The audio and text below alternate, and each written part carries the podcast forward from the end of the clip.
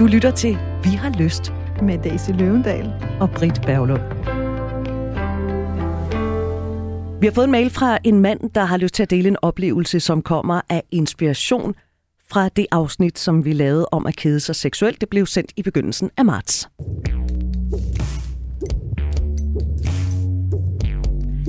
Der talte vi om, at man for eksempel kan invitere hinanden ud på en date og øh, gøre det ala i filmen When a Man Loves a Woman. Det er en 80'er film med Andy Garcia og Meg Ryan, hvor de, de er et ægtepar, men de lader så som om, da de møder hinanden, at de ikke kender hinanden. Nå, men den her mand, han skriver så i sin mail. Da jeg hørte det, tænkte jeg straks, at det er det, vi skal. Vi skal på date, og så skal vi lade som om, vi mødes for første gang, og så må vi se, hvor langt vi kan holde den. Min kæreste og jeg har været sammen i snart 23 år, så det er længe siden, vi har været på en date. Jeg skrev en besked til min kæreste, at jeg gerne vil invitere hende ud på en date på en anden kanal end den daglige sms, præcis som Daisy har anbefalet. Jeg kan sige, at Daisy hun står og smiler meget stort i øjeblikket. Så skriver han mere. Mere fik hun ikke at vide, blot at hun skulle være klar kl. 16 en lørdag. Jeg fik arrangeret, at vores døtre sov hos nogle veninder, og jeg bestilte bord på en restaurant i nærheden kl. 19. Da det blev lørdag kl. 16, skrev han en besked til hende om, at hun skulle tage et langt bad og ellers gøre sig klar. Præcis som hun ville have gjort, da hun var 25 og skulle på en date med en, som hun virkelig gerne ville score. Jeg skrev også, at hun ellers skulle følge mine instruktioner de næste timer, men hun havde mit ord for, at der ikke ville ske noget grænseoverskridende. Hun gik i bad, og klokken blev næsten 18, før hun blev færdig. Jeg skrev så, at hun stadig havde god tid og bare kunne sætte lidt god musik på og tage en øl og slappe lidt af. Jeg havde selv gjort mig klar tidligere på eftermiddagen, så nu tog jeg mit tøj på og gik hen til hende og kyssede hende farvel og ønskede hende en god aften. Jeg nåede dog at opfatte, at hun virkelig havde dullet sig op, og jeg blev så glad. Men også, at hun gjorde store øjne og blev lidt perpleks over, hvad det skulle betyde. Altså det her med at ønske en god aften. Jeg cyklede ned på den nærliggende café og tog en kaffe, og her skrev jeg så en ny besked til hende, som skulle gøre det klart for hende, hvad der skulle ske. Hej, jeg har virkelig glædet mig til vores første date og møde dig for første gang. Jeg har bestilt bord på yndlingsrestauranten. Jeg er spændt på, hvad du mener med, at du er god til at spille roller og bruge din fantasi. P.S. Du kan kende mig på en sort kasket, hvor der står MILF. Så nu burde det være klart for hende, når hun skulle lade som om vi kendte hinanden, og vi skulle på vores første date sammen. Da jeg cyklede hen til restauranten for at være der i god tid, havde jeg sgu sommerfugl i maven og var blevet helt nervøs. Hun kommer ind, finder mig, og vi hilser, som var det første gang, for hun havde heldigvis fanget den. Hele aftenen der spillede vi rollerne og spurgte hinanden ud om vores liv, og tiden den fløj afsted, og det endte med, at jeg inviterede hende hjem til mig. Jeg var alene hjemme, sagde jeg. så vi endte hjemme hos mig, altså os. Jeg lavede en kop kaffe og fandt noget is, og så sad vi i køkkenet og snakkede, stadigvæk som to, der lige havde mødt hinanden. Jeg havde af en ven fået en weekendpille, noget som jeg aldrig har prøvet før. En weekendpille det er en slags Viagra, men i stedet for at den står i et par timer, så virker den over flere døgn. Når man er kommet, så falder rejsningen, som den plejer, men så skal man bare lige kildes lidt under bollerne, så står den igen, som vinden siger. Jeg spurgte min date, om, om hun vidste, hvad en weekendpille er, og det havde hun hørt om. Så jeg spurgte, om hun ville med i soveværelset og se, om den virkede, og det ville hun gerne. Så det blev til en super skøn omgang sex, hvor vi klædte hinanden af, præcis som når man havner i seng med en anden for første gang. Og det hele, hvor vi stadig spillede rollerne, som var vi på date og ikke rigtig kendte hinanden. Bagefter smed vi rollerne og snakkede om, hvordan det havde været. Kæresten fortalte for eksempel, at det havde føltes som at træde ind i et fremmed hjem. Om det var oplevelsen eller weekendpillen, der gjorde, at vi tog en omgang mere på lanet. Som os selv, det vides ikke. Det hele var en fantastisk oplevelse for os begge, som vi her flere uger efter stadig lever højt på, og som bare har givet os noget særligt og ekstra. Så tak for inspirationen og et godt program. Yeah! Og for helvede, Daisy. Jeg blev simpelthen så glad, da jeg læste den her. Også mig. Jeg blev sådan helt rørt, og jeg kan mærke, at jeg nærmest får en tårer i øjnene igen her, fordi jeg synes, det er... Altså, udover at det gør mig enormt rørt at kunne være med til at gøre en forskel som den her, så bliver jeg også bare, han er så fucking sej og modig, og hun er bare så mega modig, og det er så lækkert, og tænk en gang, det er det, det handler om det hele. Det er at give hinanden de oplevelser og have den der lille hemmelighed, så når man sidder tirsdag morgen og spiser havregryn og y, og man kigger på hinanden og tænker, men vi kan også alt det her andet. Ikke fordi det hele skal være det andet, men fordi det er godt at vide, at man kan det sammen også. Det er jo fantastisk efter 23 år, at så kunne se at det er det, jeg læser ud af det. De har set på hinanden med en form for nye øjne, og det er det at spørge interesseret ind til hinandens liv. Altså, I har fandme kendt hinanden i kvart århundrede, ikke? Det synes jo. jeg er mega livsbekræftende. Men det vilde er jo, at de har en helt, altså, at det virker. Og de har noget at fortælle hinanden, og de bliver opmærksomme på noget, og, de, og han ser, hvor lækker hun er, mm, og du løser op, og han glæder sig, og han, han får sommerfugl i maven. Ja, det var bare... altså, ej, jeg elsker det. Så det er også bare det der, nej, vi behøver ikke altid at møde en anden for at få sommerfuld i maven. Nogle gange skal vi bare møde hinanden igen. Jeg synes, det er så genialt. Og så den her med, her flere uger efter lever vi stadig højt på den oplevelse. Ja, det er så fedt. Men det er jo lige præcis, jeg tror, det betyder meget som par. Det der med, jeg kalder det altid i mit eget liv, at vi har hemmeligheder med hinanden. Jo, vi kan godt være forældre og ansvarlige og tale om øh, afkaldning af køkkenvasken og andre ting, hvor jeg bare siger, okay, hvis du en gang til siger noget om afkaldning eller et eller andet, så er du nødt til den tidspunkt, ja, sige noget virkelig fræk, for ellers så dør jeg lidt indvendigt. Ikke? Men det med så at vide, men der var faktisk noget tid her for ikke så lang tid siden, hvor vi kunne noget helt andet, hvor jeg kunne se dig et andet lys, hvor jeg kunne være noget andet, hvor jeg kunne give slip og føle mig fri. Og det er jo den energi, der gør, at man også kan være i alt hverdagen. Så tak, fordi du skrev om den her oplevelse, at øh, du gjorde det, du gjorde, og at din kæreste havde lyst til at hoppe med på den. Jeg synes, det er åndssvagt livsbekræftende. Ja, det er præcis det der. Daisy Løvendal, vi skal have lavet en opfølgning på det program, der blev sendt i lørdags, og så kom ud som podcast i fredags. Programmet med Jakob Kærgaard, der handlede om en kvinde på 47, der gerne vil udvide sit seksuelle repertoire, og hvordan gør man det? Og undervejs, der nævnte du cola-par.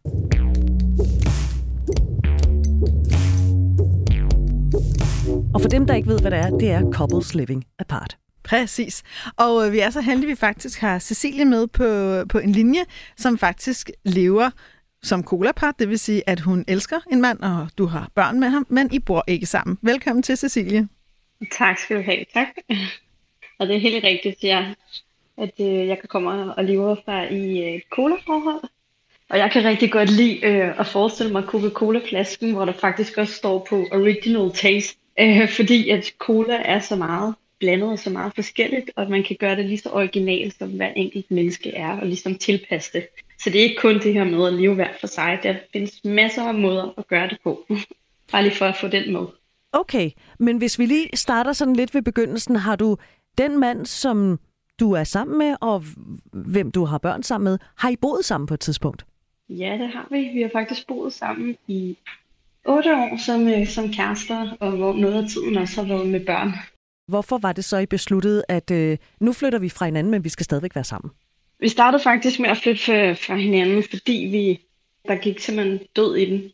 Vi var gået fra at være et par til at blive en familie og forældre sammen, øhm, og der var bare ikke rigtig nogen balance længere. Det var bare blevet en sur samsurium af sur hverdag og praktik og sure sokker, og hvem tager det, hvem gør hvad, og altid en evig skyld over det ene til det andet. Så vi var, vi var bare gået fuldstændig fast i de der rammer på at få, få livet til at fungere som familie, forældre og par og individer, og det kunne slet ikke gå op længere. Så vi besluttede øh, egentlig, at noget af det, der fungerede rigtig godt, var, at vi var familie og forældre. Det kunne vi stadig, men vores øh, sådan romantiske og seksuelle relation, den døde midt i det hele.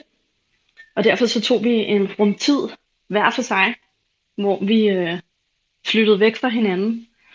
Og så uden at skulle vide, hvad det skulle bringe, eller hvad det skulle blive, så øh, så vi tid lidt an for at se, hvad der skete. Og havde godt hørt om cola, og jeg havde haft det i tankerne og prøvet at præsentere det lidt. Hvor min partner så det som, at det var en erklæring, hvis man flyttede hver sig. Det kunne man ikke, hvis man skulle være kernefamilie og par. Når man først ligesom havde taget det valg at være sammen. Men hvor at det så viser, at det åbnede en verden op af, af muligheder og måder at være sammen på, som vi slet ikke kunne forestille os, hvad det har givet os. Hvad har det givet og som nu er, jamen, jamen, det har simpelthen givet os et rum til frihed øhm, og at tilvælge hinanden på en helt anden måde end tidligere, fordi at man ligesom kommer til at leve lidt mere lystbetonet liv i forhold til, at man er lidt ansvarlig for, for sig selv og for sin trivsel, i og med at man bor hver for sig og har en masse tid hver for sig, så det er ikke så meget det der fravalg af hinanden, det bliver mere øh, tilvalget af hinanden, der kommer til at fylde i hverdagen, hvis det giver mening. Så man er sammen, fordi man har lyst til at være sammen. Nu tilvælger jeg, at vi to skal være sammen indtil i morgen. Ja, lige præcis. Man får inviteret hinanden ind i sit, sit eget space, sit eget liv på en anden måde. Øh, så ja, man tilvælger hinanden. Det bliver lystbetonet samvær på en anden måde. Men er det alt sammen så altså fuldstændig uh, guldbelagt og dejligt og skønt? Eller er det også svært en gang imellem at bo hver for sig? Der er selvfølgelig en praktik, der skal gå op, når der er små børn eller mindre børn involveret. Og vi også begge to har et arbejde, der skal passes, hvor der kan være skiftende vagter. Så det er ikke sådan, at du lever dit liv, jeg lever mit liv, og så ses vi en gang imellem. Vi har stadig nogle praktiske ting, som gør, at vi må hjælpe hinanden. Øh, men det bliver på en anden måde struktureret og mere frit, end det har været før. Og, at, og man kan så mangle hinanden, og det kan være lidt hårdt de dage, hvor man så for eksempel er helt alene om det. Øh, og få sådan familielivet til at gå op, fordi den anden ikke er til stede. Men sådan alt i alt, så er, er hjælpen og tiden sammen bedre og større. Men der vil nok være nogen, som er meget afhængige af hinandens selskab, eller på, at der er nogen omkring en hele tiden, eller i forhold til praktiske gøremål, som vil se det som en kæmpe stor udfordring, at man har meget tid alene, hvor man selv er ansvarlig for at få det til at gå op. Hvad har det betydet for din øh, lyst og gnist og følelse af kærlighed i dit parforhold, ikke at bo sammen med ham mere?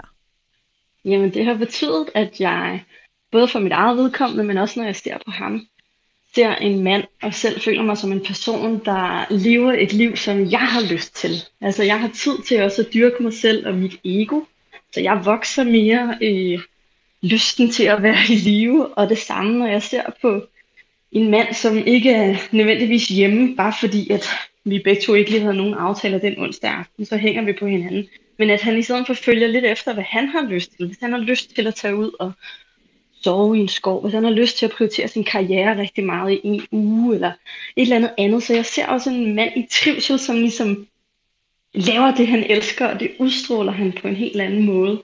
Så det, han også kommer og fortæller mig om, det bliver nogle helt andre samtaler, et andet lys, jeg ser i ham, end, øh, end at vi begge to tilfældigvis er hjemme og sidder på hinanden og skal have en masse praktisk til at gå op. Så jeg ser egentlig trivsel, som også giver mig et eller andet, en, en distance, både mentalt og fysisk, som gør, at jeg får lyst til at være tættere på det her menneske. Smukt.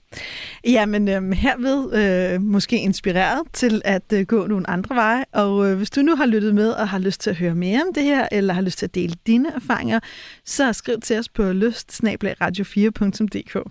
Og Cecilie, tak fordi du vil dele din historie, og jeg kan ikke lade være med at bemærke, at når du svarer på Daisys sidste spørgsmål, så lyder du fuldstændig nyforelsket. Og det lyder, som om du smiler fra øre til øre. det gør jeg. Vi har fået et brev fra en mand på 26, der kalder sig Wolfgang. Og det gør han, fordi han synes, at det er et mega bladet navn.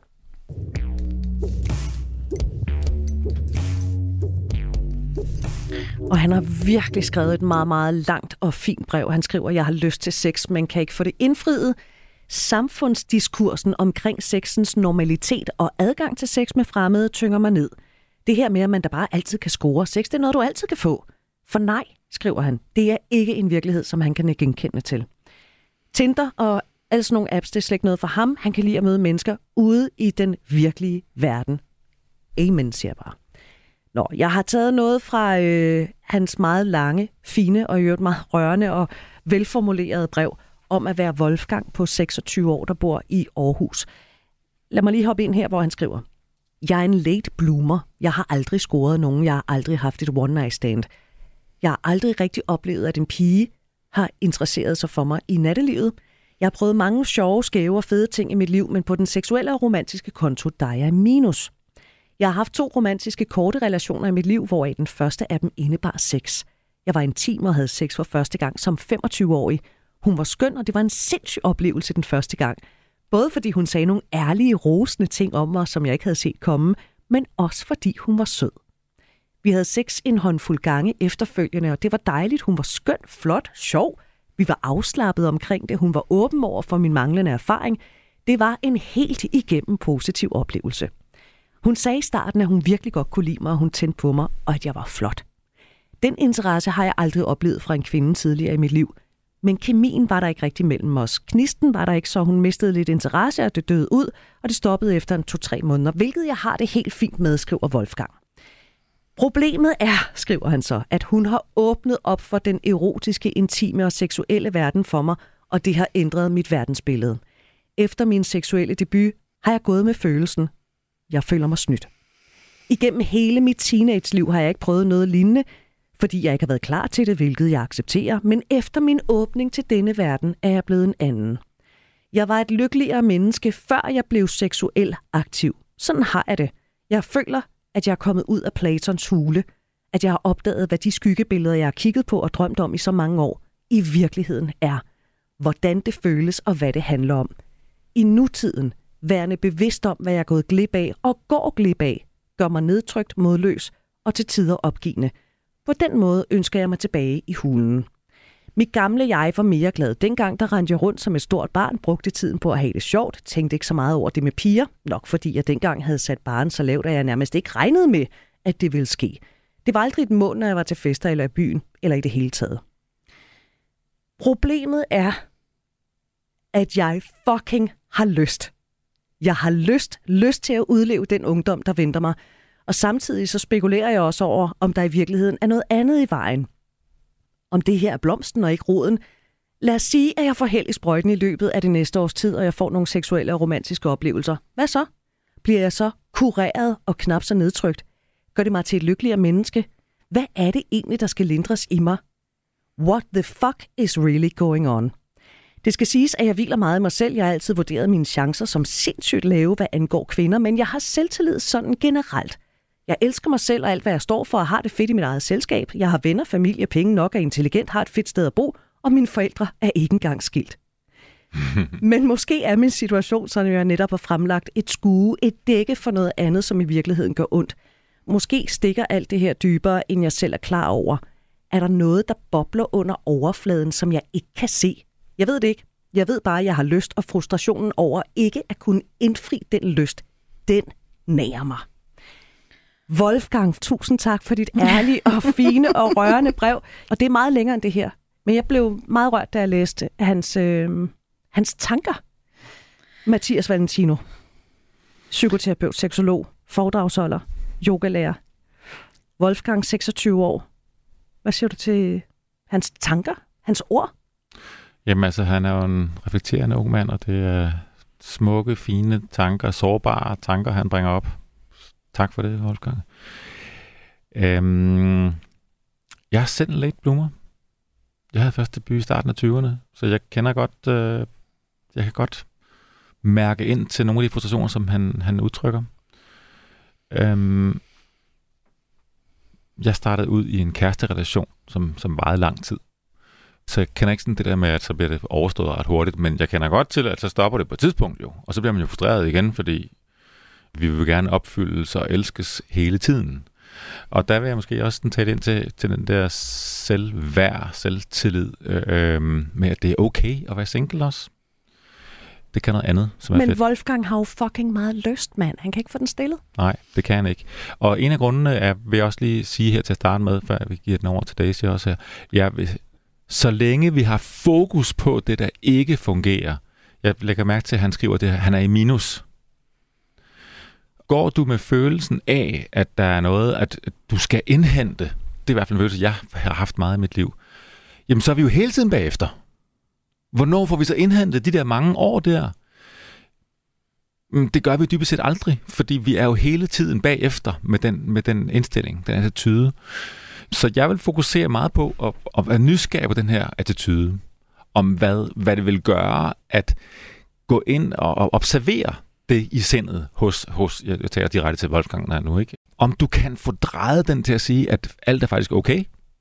Du har haft en seksuel debut, og du har haft en rigtig god en, lyder det som. Fedt. Hvor er du heldig, for det er der ikke særlig mange, der har. Men han skriver jo, mit gamle jeg var mere glad. Jeg, jeg anede ikke, hvad jeg gik glip af. Man kan jo sige et eller andet sted, så når jeg læser det her brev, udover at jeg har sådan lyst til at... Øh, jeg Stik ham en kæmpe krammer, Ja, mand. og så har jeg lyst til at sætte min samtaleterapi. Men det er også fordi, jeg tænker, Wolfgang, for fanden, han er jo en livskrise. Du er i en livskrise. Selvom det egentlig er positivt på en eller anden måde, og jeg kan se, når jeg ser livskrise, så kigger Britte helt mærkeligt på mig. For mig er Jeg synes kriser... bare, det er et voldsomt ord. Ja, men det er, jeg op, det er faktisk det, jeg oplever. Kriser er jo også der, hvor vi bliver dybt og inderligt forstyrret. Hvor vi opdager, der var noget, der var sådan her. Det havde jeg regnet ud. Jeg gik i det. Så er der en krise. Vi er ved at blive en anden. Han har jo gået rundt med en fortælling om, jeg har ikke held med pigerne. Jeg har heller ikke særlig meget brug for det. Mit liv er fyldt med alle mulige fede ting. Det er ikke vigtigt for mig. Altså, han, han fortæller jo decideret, at han aldrig har haft en forventning om at have held hos kvinder. Bum, så sker det. Han møder en. Hun vil ham gerne. Hun siger rosende ting, hun siger søde ting. De har sex, det er dejligt. Han kommer ud af hulen, Platons hule. Han ser virkeligheden. Det holder ikke. Nu er han et andet sted. Så hans gamle fortælling, den har han udlevet. Og derfor har han nu et problem. Han har i virkeligheden vokset. Men han har ikke løsningen på det. Så hvad er løsningen? Jamen løsningen er jo i virkeligheden, altså det, og det er det her, jeg har lyst til sådan at råbe, fat mod, altså ikke, det er, jamen, Ro på. Ja, ro på. Altså, mærk sulten, mærk begæret. Det er jo det, der Ej, driver os frem. Ikke? Men, men, men, ikke? Fordi jeg tænker også, når jeg, når jeg læser det her brev, og jeg tænker på, hvordan han agerer i forhold til, at han ser sig selv som en. Jeg ser ikke ham som værende sulten nok til at tage fat i nogle af de kvinder, han måske møder. Jeg oplever, at han har den der attitude af, jeg har ikke brug for noget, jeg har ikke held hos kvinderne. Det vil sige, jeg tror heller ikke, han gør særlig meget. Jeg skal forresten heller ikke de der datings-app, det er slet ikke noget for mig. Og amen for det, og fedt, du har en holdning. Men jeg tror, han pludselig er smidt ind et sted i hans liv, hvor han er nødt til at blive meget mere aktiv i forhold. Og der kan hans lyst jo i virkeligheden på guide ham og sige, der, du har, han har en længsel efter kærlighed. Han har jo heller ikke kun en længsel efter sex. Han har jo også, hører jeg i hvert fald, en længsel efter kærlighed. Og ja, det er fucked up at være menneske og have brug for andre. Velkommen. Welcome to life. Jeg synes simpelthen, det er så nemt for jer to at så sige, ja, ja, ro på. Altså, jeg kan sgu da godt forstå, at han Men ikke har jeg ro på. også. Absolut. Altså, der, han har fået slået hul på et eller andet, han anede ikke. Indtil han var 25, der anede han ikke, hvad han gik glip af. Han levede i lykkelig uvidenhed. Og lige pludselig, så møder han den her kvinde, som ovenikøbet, købet, som jeg læser det, er virkelig god for ham og ved ham, og de har det dejligt sammen. Der er lige noget med knim, men det er fint nok, at det slutter, og det, det har han okay med. Og så skriver han, hvad nu hvis, lad os sige, at jeg får held i sprøjten i løbet af det næste års tid, og jeg får nogle seksuelle og romantiske oplevelser. Hvad så? Bliver jeg kureret og knap så nedtrykt? Det ved man jo ikke. Det er jo ikke sådan en kur. Det er, det, det er sådan lidt dramatisk. Ikke? Bliver jeg så kureret? Det er måske momentant, Du har så kan det være. ikke? åbnet for dramaet ved at kalde det en livskrise. ja, ja, men det oplever jeg faktisk også, det er. Men det er jo virkelig der, man står der midt i krisen, og så tænker man, ja, nej, nej, nej, nej, nej, jeg vil ikke være her. Jeg stod og sagde, jeg vil have det store, vilde liv, og nu vil jeg gerne tilbage i mit parcelhus. Ikke? Altså, det, er jo- det er jo sådan en helt klassisk ting, at vi mennesker, vi ønsker os det hele. Åbn mit liv, giv mig eventyr. Nej, nej, nej, ikke så meget eventyr. Jeg vil hjem, jeg vil hjem. Ikke? Så jeg tror, det, jeg prøver på at sige, når jeg siger ro på, så mener jeg, træk vejret. Det skal nok gå. Ikke? Og jeg ved godt, at det kan du ikke bruge til en skid, Wolfgang. I'm sorry, bare sluk. Altså, eller prøv at lytte færdigt, det håber jeg, du vil gøre. Men den sult, det begær, du oplever, tror jeg faktisk er vigtigt. Men du skal også tillade dig selv at mærke den. Og så drop den der historie om, at kvinder ikke ved dig. Det synes jeg vil være et rigtig godt sted at starte, sådan sagt lidt hardcore. Og lad den være en driver. Jeg, jeg er enig i det her med, at altså, der, er en, der er blevet slukket for Tinder og hvad det hedder, alle de der forskellige apps og sådan noget. Hvad med at udforske dem og se, øh, hvad det kan give, og gå på et par... Jamen, Det kan han ikke, fordi han har, han har heller ikke en telefon, der kan alle de der apps der. Okay. Jamen, så er så er det bare ned på. Jomfru Ane Gade, ikke? Men han ikke får Aarhus, ikke? Altså, når nogle Ja, det gange... ligger jo så i Aalborg, Nå, men altså, Det er en lang tur. han skal ned med byen. jeg, hey, jeg er engang taget til Mexico på grund af begær, ikke? Altså, der er ikke... Ikke? Jeg har en veninde, der strippede hele vejen til Island, fordi hun skulle op og score en fyr, ikke? Begær har jo fået os til at gøre alle mulige sindssyge ting. Det er jo det, der er med begær. Det er jo det, der får os til at stille os i det akavede øjeblik, det er at sige, hej, øh, må jeg byde på en drink? Altså, det er jo akavet, eller skal vi to danse, eller hvad det nu end er. Og det behøver ikke at være så jordnært, men det er jo begæret, der tvinger os til at gå ud af os selv og ud i det der ukomfortable. Så når han skriver frustrationen over ikke at kunne indfri den lyst, som jeg føler, den nærer mig, så For- siger I, Det er fordi, det er ude af hans kontrol. Det er fordi, Ja. kære Wolfgang, du har levet et liv, hvor du var inden for din egen kontrol, og du har kun defineret, at du vil have det, som du selv havde kontrol over. Og det er det, jeg mener med, det her også en dybere længsel efter kærlighed. Det er fucked up at erkende, at man har brug for andre mennesker, men det betyder ikke, at det er en dårlig ting. Og man kan ikke kontrollere andre mennesker. Det er nederen, men det kan man ikke. Man kan godt prøve. Det vil man ikke glad af. Wolfgang, tusind tak for dit brev. Ja, tak. Ja, det du som lytter øh, ikke ved, det er, at vi har haft slukket for mikrofonerne nu i 3-4 minutter, og jeg føler en trang til at tænde for dem igen, fordi jeg synes ikke, vi er helt færdige med Wolfgang. Og det synes jeg ikke, fordi jeg synes ikke, vi har hjulpet ham nok. Daisy, du spurgte mig for at slukke mikrofonen. Jamen, hvad synes du egentlig, han skulle gøre? Og Ja, hvad synes du, han skal gøre, Britt? ja, og, Britt, nu må du komme på banen her. Jamen, og hvad pokker ved jeg? Jeg er jo ikke ekspert ud i det her, eller øh, kan det, som I kan. Men jeg er også et menneske. Præcis. Og jeg tror faktisk, at nu har jeg jo læst hele det, som Wolfgang har skrevet. Jeg tror, Wolfgang er et mega fedt menneske. Han har humor. Det kan jeg læse ud af det, han skriver. Altså bare det her med, Jeg er ikke engang mine forældre er ikke engang skilt. ja, jeg har venner, familie, penge nok, er intelligent, har et fedt sted at bo, mine forældre er ikke engang skilt. Det synes jeg faktisk øh, vidner om humor, og der er også andre steder i hans meget lange skriv, hvor han udviser en vis form for humor. Mm. Jeg tror, at Wolfgang er seriøst godt selskab. Og jeg vil ønske, at Wolfgang kunne gå i byen, midtbyen i Aarhus, og chatte nogle damer op. For jeg tror faktisk, at han er ret god til det. Det kræver bare lidt øvelse. Men det er også det, jeg mener. Det er det, jeg prøver at sige med den der sult. Han har, du, du, Wolfgang, du har haft en selvfortælling om, du kan ikke damer, du har ikke brug for damer.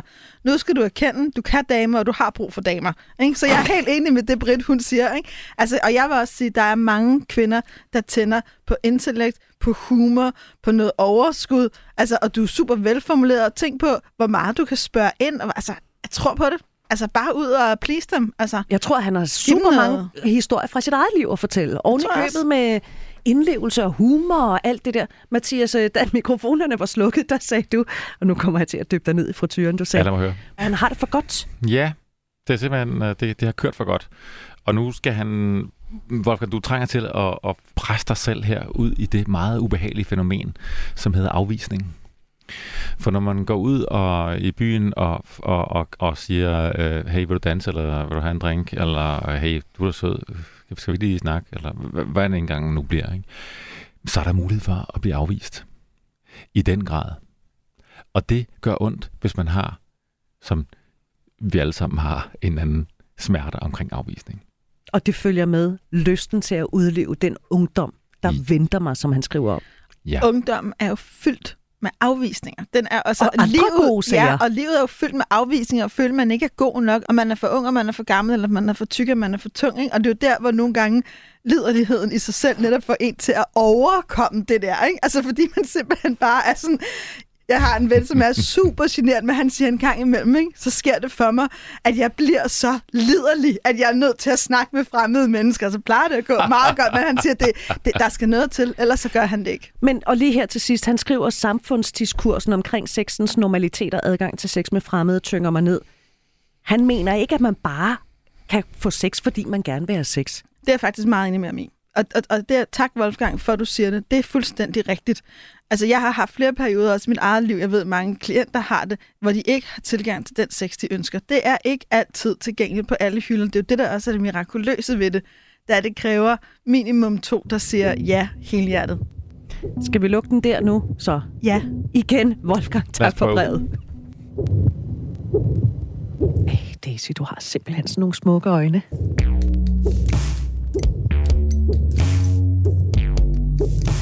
Tak. Og det siger jeg jo, fordi i en udsendelse, der blev sendt den 22. januar, der talte vi om øh, deller og folder, og der talte vi blandt andet om, ja ja, vi er rigtig gode til at finde de ting ved os, som ikke måske vi er så glade for, men hvad er vi så til gengæld glade for? Og der sagde du dine øjne. Det er rigtigt, det gjorde jeg nemlig. Og øh, i den udsendelse, der fik vi også ligesom opfordret jer lyttere til at sende os tegninger. Og det var fordi, vi snakkede om den her øvelse af, hvordan ser man egentlig sig selv, og hvordan passer det sammen med virkeligheden. Og så en lytter, der hedder Sine, var simpelthen så sød at sende os to tegninger. Og det er vi helt på røven over, og vi er glade. Fuldstændig. øh, og den første tegning er fra 19, og øhm, den forestiller en kvinde, der ser ulykkelig ud, som står stiv i kroppen, og brysterne hænger, og håret stritter til alle sider, og den er sådan tegnet sådan med lidt hurtige, lidt korte strøg. Øhm, Jeg er sådan lidt krasset på en eller anden måde, altså no offense, men den er sådan lidt krasset ned på et stykke papir, ikke? jo, præcis. Der er ikke kælet for detaljerne. Nej, Det skulle bare lidt overstås. præcis.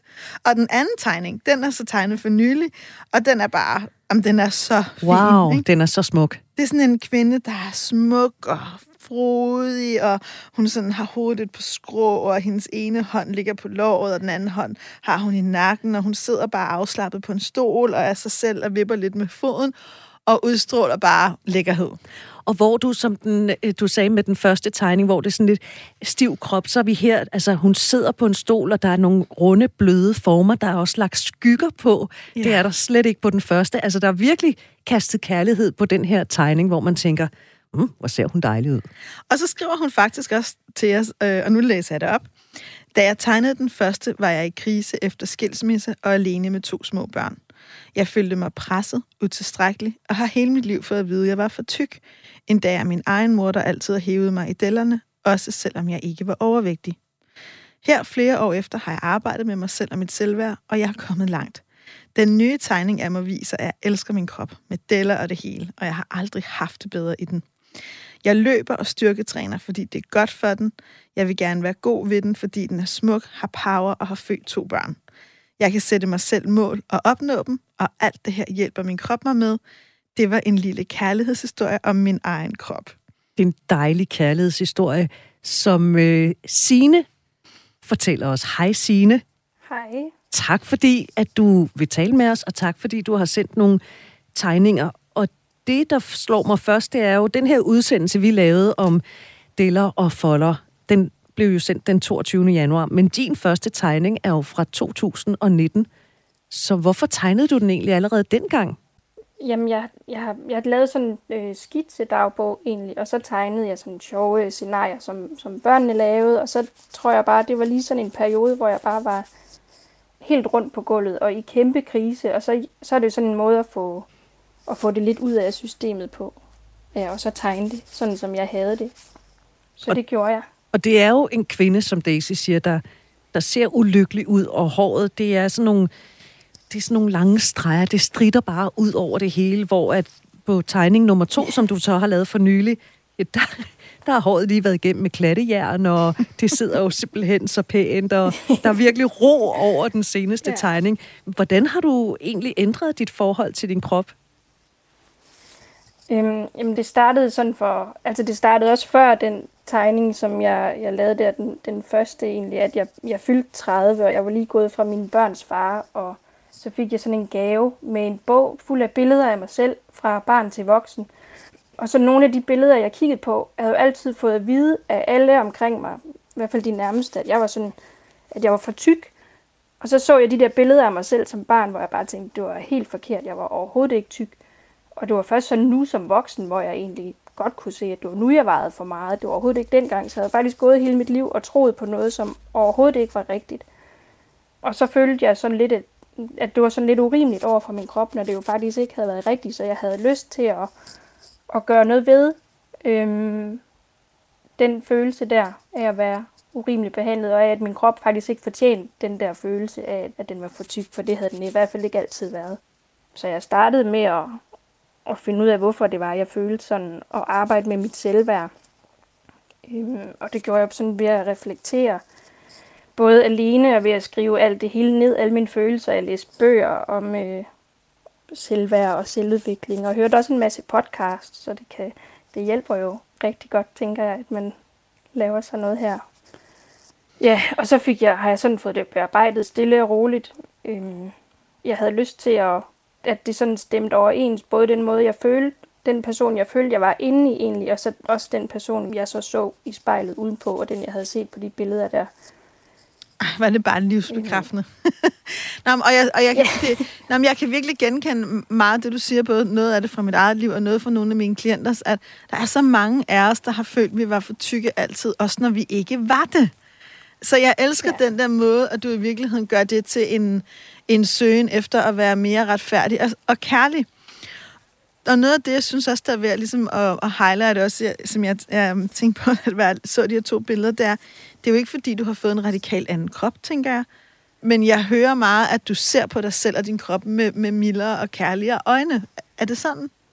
Jamen, det er helt rigtigt. Altså, jeg har også tabt en lille smule, men det er mere sådan i processen af, at jeg har har trænet, og jeg har spist bedre, fordi jeg havde lyst til at, at spise de ting, der var god for mig. Og, og, så det har ikke sådan været med, med vægttab, som, som mål egentlig. Det har været det der ja, fokus med, med nogle kærlige øjne på min krop, fordi det egentlig var det, den, jeg synes, den fortjente.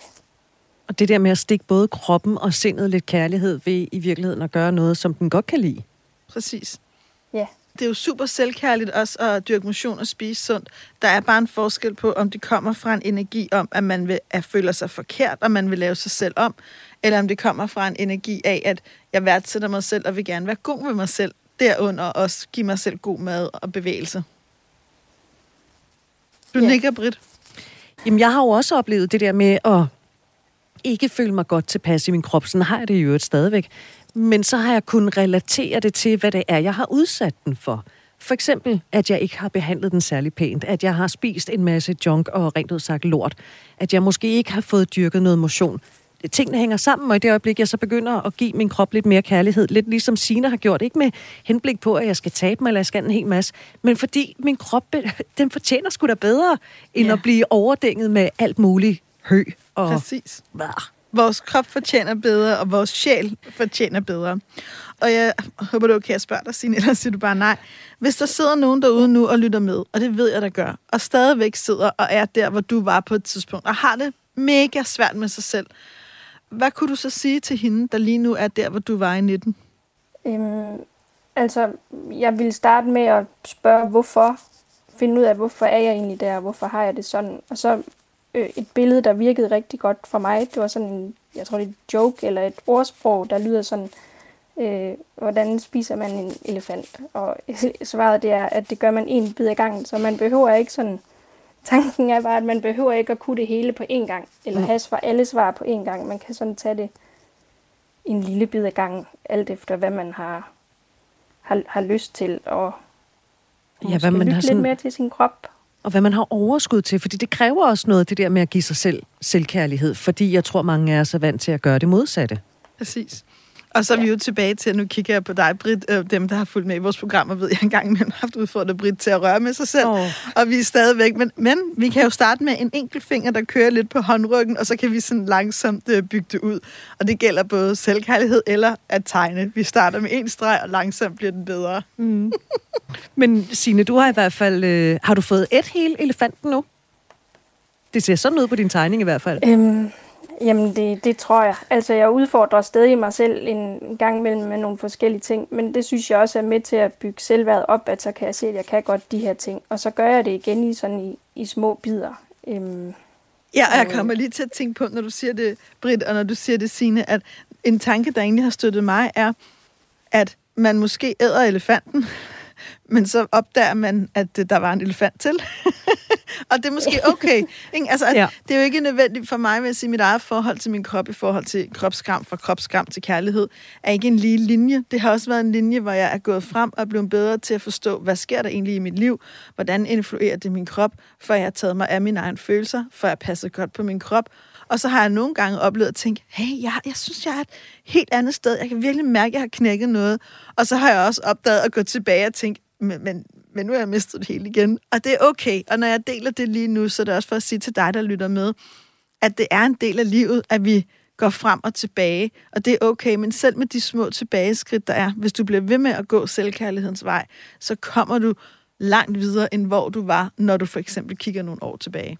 Og det er Sines tegninger i den grad et øh, rigtig fint og godt eksempel på. Vi var så glade for, at du ville dele dine tegninger med os, det skal du bare vide. De er så smukke, og det har været rigtig dejligt at tale med dig. tak, og i lige måde. Når jeg er på ferie, Daisy, så plejer jeg at have nogle bøger med. Og det er som oftest noget med en eller måske flere, der er blevet slået ihjel, og så er der så nogle mennesker, der opklarer, hvem er det, der har slået de her mennesker ihjel. Og der tror jeg ikke, at jeg er sådan specielt anderledes. Og der ved jeg, du tænker, vi skal læse noget andet. Ja, det synes jeg ikke, fordi når du nu er på ferie, ikke, og du sådan kan mærke, at kroppen slapper af, og du kommer sådan lidt ned i dig selv, og det ved vi jo fra forskning, at det der med mindfulness faktisk kan være meget godt for det erotiske jeg, så synes jeg, i stedet for at læse noget, der sådan er bare turn off med turn off med turn off på, at i stedet for at skulle læse noget, der måske mere sådan inspirere til noget sanselighed. Så jeg har taget et lille udvalg af erotisk litteratur med, som jeg vil anbefale, du kan læse, i stedet for de her krimier.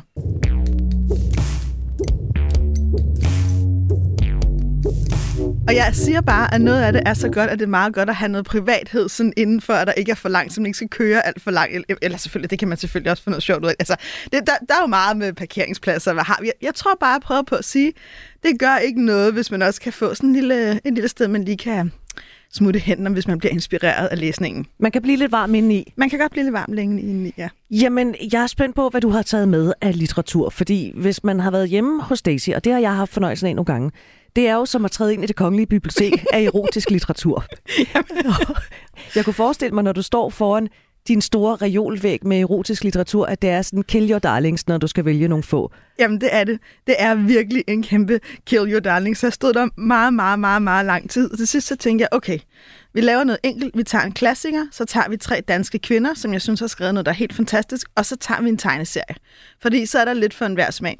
Så hvis vi starter i det klassiske, der er den første, som jeg vil nævne, det er Ananin, Venus-deltaget. Og Ananin, hun er jo næsten forperson af erotisk litteratur. Det er ikke, fordi hun er den første, der har skrevet, men Anne Nin har skrevet flere bøger om erotik. Den her venus synes jeg er helt fantastisk. Og, og hun har gjort det på en tid, hvor ikke ret mange kvinder skrev, og heller ikke kunne få det udgivet. Og noget af det, jeg synes, der er så fantastisk ved, ved den her bog, det er, det er ikke bare historier om seksualitet, det er også historier om psykologi. Jeg synes faktisk, når man læser de her, der er også meget mørke. Faktisk lige præcis den her, er der ikke lige så stort behov for at finde et sted, hvor man kan være privat meget hurtigt. For det er meget rørende. Og i virkeligheden er det måske mere rørende og grænseudvidende, end det er decideret erotisk, selvom det også handler meget om sex. Men det handler også meget om skyggesiden af sex, og det handler også meget om det her sted, hvor vores psykologi spiller ind i vores lyst. Men jeg synes, det er fantastisk læsning og klassisk litteratur, som man skal unde sig selv i hvert fald en gang i livet og gå i kast med. Og når du siger, at den er skrevet på et tidspunkt, hvor ikke særlig mange kvinder skrev, så er den fra 70'erne? Ja, det mener jeg. Den er skrevet i 1969. Øh, okay mener jeg, det der, den er. Ikke? Og jeg ved også, at den her, som er en anden udgave, fire oplag, altså den har også solgt ret meget. Den, den lige her, det er sådan en gammel paperback, som jeg har købt i sådan en antikvar engang i nullerne. Den er fra 83, men jeg mener, det var i 69, at de kom. Man kan sige, at en som Henry Miller er nogenlunde samtidig med Anne Nin, har også skrevet nogle fantastiske bøger. Der er bare ikke særlig mange kvindestemmer, der har været ude før. Mange af de første fortællinger om sex er jo skrevet af mænd. Så jeg synes også, der er et eller andet i at få det feminine blik på det. Ikke fordi, at det skal handle om køn, men mange kvinder har beskrevet noget andet, end det mange mænd har. Og den er på dansk? Og den er på dansk. Og hvad har du så med? Jamen, så har jeg simpelthen taget øh, Christina Stolz erotiske fortællinger, et kød, og den har den smukkeste forside. Altså, hvor det ligesom er noget hud, der skiller, og så er det de her, her smukke hånd med røde negle, der ligesom... Og så på bagsiden, ikke? så er det sådan det her, sådan, øh, sådan, der den ligner hud, kan man så se, at det faktisk er en bog. Ikke? Så det er jo to ting, jeg elsker. Litteratur og sex. Ikke? Altså, jeg havde det sådan der første gang, fik den her meget smukke bog i hænderne, så tænkte jeg, ej, det er jo nærmest som om, at den er skrevet til mig. Det, det ved jeg godt, den ikke er, men tak, Christina, alligevel. og jeg synes, den her har, apropos det, jeg sagde omkring Anne Nin, jeg synes, den har lidt af de samme kvaliteter. Det er sexet, men det er også dybt. Jeg synes faktisk, det er også en bog, man bliver klogere af, og man kigger ind i nogle verdener og nogle lyster og noget privathed, og ind i nogle, nogle dele af livet, vi måske selv kender. Jeg synes, der er meget gengældelighed i det. Jeg kan også godt lide, den foregår i Danmark. Det er ikke sådan et eller andet, du ved, der er også noget af det nye erotiske litteratur, som er meget sådan, så kommer han flyvende med en helikopter og landede, eller altså, du ved, det er sådan meget, ikke? Det her, det, det er sådan lidt mere Israels plads, ikke? Og en lejlighed, ikke? Altså, men det synes jeg faktisk gør noget, og der er meget beskrivelse også af relationer, så jeg synes faktisk, det er en, en både smuk, sexet og klog bog. Og så man kan blive inspireret af. Så man kan blive inspireret af, og man kan jo sagtens læse de her bøger sammen med en. Det kan jo faktisk, jeg har på et tidspunkt gav jeg et par, jeg arbejdede med opgaven at læse nogle bøger. Og det gjorde jeg faktisk lidt med den bagtanke. Se, hvad sker der egentlig, når man så ligger der i dobbeltseng, man siger, man keder sig så meget i med hver sin, øh, hver sin stykke litteratur. Og det kan jeg bare sige, det gik ret godt. Der skete præcis det, jeg havde håbet. Jamen det er altså i orden, vi sætter flueben ved det råd. Så har du øh, fantasier fra Elisa Lykke, som vi jo har fornøjelsen af i vores program. Ja, det var vi simpelthen nødt til at have med, også fordi jeg synes, det værk, hun har lavet, er helt fantastisk. Jeg synes, det hun gjorde, er simpelthen det at tage fat i både nogle kendte mennesker og nogle ikke kendte mennesker og sige, beskriv en fantasi. Det synes jeg har været et fantastisk projekt. Jeg elsker at have fulgt det. Jeg elsker den enkelhed, og jeg elsker det, at så mange mennesker at vi har fået lov til at kigge ind i noget, der er så privat og heldigt som vores fantasier. Jeg synes, det er enormt smukt. Jeg bliver enormt glad på menneskehedens vegne, når jeg læser det, fordi det også giver mig det der indblik i, hvor er vi egentlig komplekse og fantasifulde og kreative og fyldt med lyster og længsler og grænser. Og hvor er det dog dejligt lige at blive husket på, at vi alle sammen har det her. Så kæmpe tak til Elisa for det. Og så er det bare, synes jeg, de er jo meget forskellige historierne, de er også skrevet meget forskelligt, men det synes jeg faktisk er ret lækkert, og det gode også ved de her lidt kortere erotiske noveller er, man behøver jo ikke at bruge en hel dag på at læse, man kan bare bruge et kvarter på at læse, i stedet for at se et eller andet på sin telefon. Og de er altså ret juicy, nogle af dem. Det må man sige. Så skal vi til en duft af appelsin. Ja, det er jo Ulla Hinge Thomsen, som jo har skrevet altså nogle bøger, jeg virkelig holder af. Også hendes sårbar, synes jeg jo er helt fantastisk. Og det, jeg rigtig godt kan lide ved den her, der jeg ved godt, altså æstetikken, den er bare så smuk, og den er lille, og den er lækker. Man kan have den i tasken. Den fylder ingenting ved siden af badetøjet og flasken med vand og nødderne og hvad man ellers kan lide at have med. Og jeg synes, den er mega, mega godt skrevet, og jeg elsker hende. Der er sådan, der er sådan meget sådan... Øhm, æstetik hvert et lille sandkorn fjernede hun, og der var sandet kildede før, begyndte det nu at kilde på en ny måde. Ikke? Altså den er sådan, den, jeg synes bare, mm. den er mega dejlig, og det er sådan en bog, hvor man ligger og læser, og så drikker man måske lidt iste og leger lidt med en isterning, og ja, du ved, ikke? Altså, Nu stikker det af over hos Daisy. ja, og så øh, den sidste ting, jeg har taget med. Nu er jeg jo meget, meget stor tegneseriefan. En af mine yndlingstegneserier, det er Milo Manara, Altså, hvis man kender erotisk tegneserielitteratur, så er han jo the man. Han har lavet så mange fede. Men jeg pillede den serie ned af boghylden, der hedder Klikturis. For det første vil jeg sige, at de her tegninger er meget juicy. Altså, de er meget juicy, de er meget eksplicite. Der indgår rigtig mange ting, vi ved fra forskning om fantasi, og folk fantaserer om. Så det her det er ikke missionær. Så hvis det er det, man gerne vil have, så skal man ikke tage Milo Manaras Klikturis. Hvis man til gengæld gerne vil have nogle smukke, smukke mennesker, og fede fantasier udspillet over smukke, smukke tegninger, så go ahead. Og den hele starter med den her lidt uptight overklasse kvinde med en perfekt krop, som ikke rigtig kan mærke sin lyst. Og så er der den her øh, forsker, som opfinder en ting, som man ligesom kan indoperere eller i hjernen, og så opløses den i hjernecellerne. Altså ikke særlig god videnskabelig forklaring. Og så er der sådan en lille apparat, hvor man kan skrue op og ned for lysten, og så er der en galning, der stjæler den her, og så skruer han bare op. Så igennem tre album, hvor hun bare udlever den ene fantasi efter den anden, prøver hun at få fat i det her apparat, og da det så endelig lykkes at få det destrueret, så opdager hun, hun savner det. Og jeg elsker, altså jeg synes, det er så... fordi et eller andet sted fortæller den mig også, og hun leger, der er meget med skam også i den, åh oh, nej, hver gang hun har haft de her scener, åh, oh, jeg skammer mig, jeg skammer mig, når apparatet slukkes. Men, men da det så er, at hun kommer af med det, så er der ligesom den der, uden at det bliver overskrevet erkendelse af, Måske handler det bare om, at hun giver sig selv lov. Og hvem er vi egentlig, hvis vi virkelig giver os selv lov? Så hvis du har lyst til at give dig selv lov til virkelig at fantasere i godt selskab, så Milo Manara Klikturis. Daisy, øh, nu siger jeg det til dig, fordi du er min marker. Jeg overvejer faktisk at gå ned ad en ny karrieresti. Nå, må høre, hvad overvejer du? Den 22. januar, der sendte vi jo programmet, hvor en kvinde spurgte, hvordan hun trods deler og folder kunne føle sig fri under sex. Hun synes selv, hun havde deler og folder, ikke? For 14 dage siden, der lavede vi så en kort opfølgning af vores lille tillægsprogram her, hvor Sine, der havde hørt programmet, fortalte om to selvportrættegninger. Hun havde lavet en for et par år siden, hvor hendes liv var lidt i kaos, og det gav sig virkelig udtryk i den tegning, hun havde lavet af sig selv. Og så en tegning, hun havde lavet for nylig, hvor der var kommet ro på hele tilværelsen, og hvor det var bløde streger, det var bløde former, og håret det var også ret på tegning og sådan noget. Det synes jeg egentlig var meget fint. Det handlede nemlig ikke en skid om, med hensyn til sine tegninger om vægttab. Det synes jeg, det er vigtigt, at vi har fokus på. Det handlede ikke om vægttab, det handlede om, hvordan har jeg det i det hele taget i mit liv. Ja, stærkt. Det var faktisk en rigtig, rigtig... Jeg synes, det var stærkt faktisk at lytte til at se hendes tegninger. Ja, absolut. Men så skete der det, at jeg fik en henvendelse. Jeg blev kontaktet af en mand, der havde hørt programmet, som blev sendt den 22. januar. Ikke? Han skrev til mig, jeg var selv træt af mig selv, kaptajn Vom, corona-vom, men egentlig ok glad for min bagdel, som dog for en mand i min alder ofte blev nedladende omtalt som en minusrøv. Og så kan man sige min alder. Jeg ved ikke, hvor gammel han er. Jeg var skyde på, at han er sådan cirka midt i livet, ikke? Så skriver han videre, så læste jeg tilfældigvis en artikel i The Guardian, købte en blok og nogle blyanter og begyndte at gå til kroki. Og den her øh, artikel, han havde læst i The Guardian, den handlede om en herre på 64, der efter en skilsmisse, han havde også mistet en søn, så begyndte han at tegne for at få adgang til sit følelsesliv. Og wow. inden han fik set sig om, så stod han op på det der podie og blev tegnet af andre. Nå, tilbage til den her mail, ikke? Og så skriver øh, lytteren her, tanken om selv at gå på podiet var skrækindjagende, men jeg blev nødt til at gøre det for at kunne leve med kaptajn Vom. Jeg har nu stået model foran 20-25 mennesker tre gange, og er på podiet for fjerde gang i næste uge, og det er super sjovt. Første gang var jeg ved at dø af skræk, indtil tøjet faldt, og jeg sad og lå på podiet. Det går op for en, at tilskuerne er mere generte end en selv. Lige så snart man er nøgen, så har man magten i lokalet. Jeg blev nærmest meditativt rolig. Det booster selvtilliden og bekæmper blufærdighed.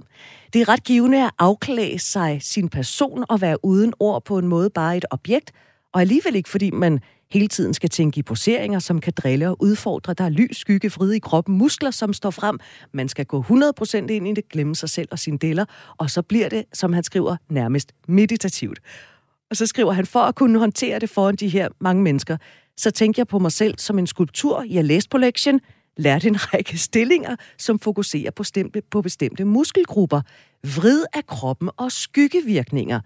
Jeg gik bevidst efter knæk i hoften og strid med bagdel, hugget fra kvindemodeller og totalt grænseoverskridende, men det gav prote i form af ros fra både arrangører og tegnere, som var mega søde og efterlod cirka 40 tegninger til mig. Så skriver han, øh, at det var en ret fantastisk fornemmelse at stå der splitter fornøjet midt i cirklen af tegnere og høre den der koncentrerede lyd af de her 25-30 blyanter mod papir. Og så skriver han, jeg vil egentlig bare prøve det et par gange, men nu bliver jeg ved. Wow. Hvad siger du til det? Jamen, jeg er vild med det. er du ikke? Fuldstændig. Ej, jeg kan se det for mig. Jeg er helt solgt. Jeg Mhm. synes, det er fantastisk. Og i virkeligheden tænker jeg, altså, ved du hvad, det, det er jo mindsetet. Han gør det mindset, hvis man gik ind i en hver elskov og en hver seksuel situation med det mindset, det, så ville der jo ske noget helt andet. Det har du egentlig ret i. Jeg har slet ikke tænkt på det på den måde. Det er jo genialt. Han, han slipper jo sit ego, han slipper sin dom over sig selv, han ryger ind i sig selv, han bliver meditativ, han bliver rolig, men han tænker også på, nu lyder han som vores mesterkok, at drille og udfordre modtageren med hans stillinger. Ja, det har du ret i. Altså, der er et eller andet over det. Altså, plus, han er, jo ikke, han er jo ikke fastlåst i sig selv. Han er jo i virkeligheden meget, hører jeg også, levende til stede i rummet. Jeg synes faktisk, det er enormt smukt, og jeg elsker den, jeg elsker den beslutning og vilje, han også taler om. Han sætter sig ikke ned og venter på, at hans mave er væk, eller at hans øh, selvaccept kommer fra himlen, eller du ved, dalene, eller han hører et program, der giver det. I virkeligheden går han ud og gør noget. Han som, gør det bare. Han gør det, som gør, at han får et andet syn på sig selv. Og det kan jeg jo godt forstå. Han opdager jo også, at han ikke dør af det, og folk roser ham og anerkender og ser ham, og jeg synes, det er så fedt. Hvad tænker du, Britt? Jamen altså, nu har jeg skrevet lidt frem og tilbage med ham, øh, fordi jeg, jeg kunne mærke, at jeg blev lidt nysgerrig på det. Jeg kunne godt lide det, han skrev med, at i og med, at han var den eneste i lokalet, der var nøgen, så var det ham, der havde magten. Ja, jeg, jeg kunne næsten få den der følelse af, at ja, så er det mig, der er den stærke. Altså, jeg synes, der er et eller andet i det, og det er ikke fordi, at jeg er magtliderlig eller noget som helst. Men det der med, at du behøver ikke, selvfølgelig er du sårbar, når du er nøgen, men det behøver du måske ikke at være.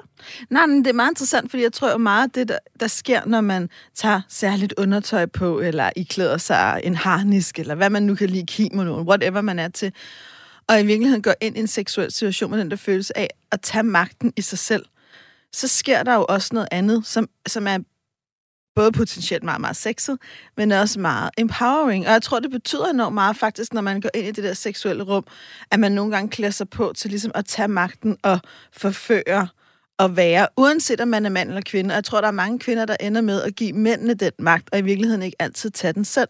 Så det er en lille opfordring. Men Britt, min hjerne arbejder på højtryk herovre. Du startede nemlig med karriereskifte, så jeg skal lige høre, hvor, hvor vi er på vej hen efter den her kroki-historie. Ja, altså det, det, der så er sket, det er, at han har givet mig øh, nogle tips til, hvor man i, jeg bor i København, hvor man i Københavnsområdet kan sidde model, hvor det er seriøst. Fordi jeg havde det også sådan, jeg skal jo ikke ud til sådan noget polterabend, altså hvor de sidder efter, de har drukket en masse sprut, og skal sidde og tegne mig. Det har jeg jo ikke behov for. Altså, så tror jeg måske, men, men noget seriøst. Så ja, ja, jeg ved det ikke rigtigt. Jeg har været fristet, og jeg ved ikke rigtigt, om det bliver til noget. Jeg synes, det er, jeg, jeg er vild med det. Altså, Men nu er tippet givet videre. Ja, helt sikkert. Og der er åbenbart flere steder, ifølge ham, der har skrevet til mig, så er der flere steder, hvor man gerne vil have modeller. Hvor det Altså, sejt. hvor det er så seriøst, og hvor man rent faktisk også tjener en mønt på at sidde model, fordi det er seriøst, ikke? Og man kan også sige, at hvis man nu sidder derhjemme og ikke lige er parat til det, så vil jeg også sige, at øh, det der mobiltelefon med et lille kamera i, du har i lommen, kan faktisk også bruges til at kigge på dig selv med andre øjne hvis man nu vil gøre noget helt privat for sig selv. Man kan eventuelt tage billeder af sig selv. Man kan også tage billeder af sig selv og tegne dem. Og der sker faktisk noget i den der oversættelse fra, at man ligesom ser sig selv, til man ligesom tegner sig ind i sig selv øh, ved at kigge på billedet, og så i virkeligheden tegner. Man kan jo eventuelt bare tegne formerne, eller man kan tegne ja, netop formerne, hvor der er rundt, hvor der er kantet, hvor er der... Altså, det er det der med hele tiden i virkeligheden at skifte lidt perspektiv på sig selv. Du gav for lang tid siden et tip om, at man kunne også gøre det, man rørte ved sin krop i 30 dage. Ja. Og blev lidt bedre venner med den. Og her er altså også endnu et tip givet, at man kan gå ud og så tage tøjet af og lade sig tegne af en masse dygtige tegnere.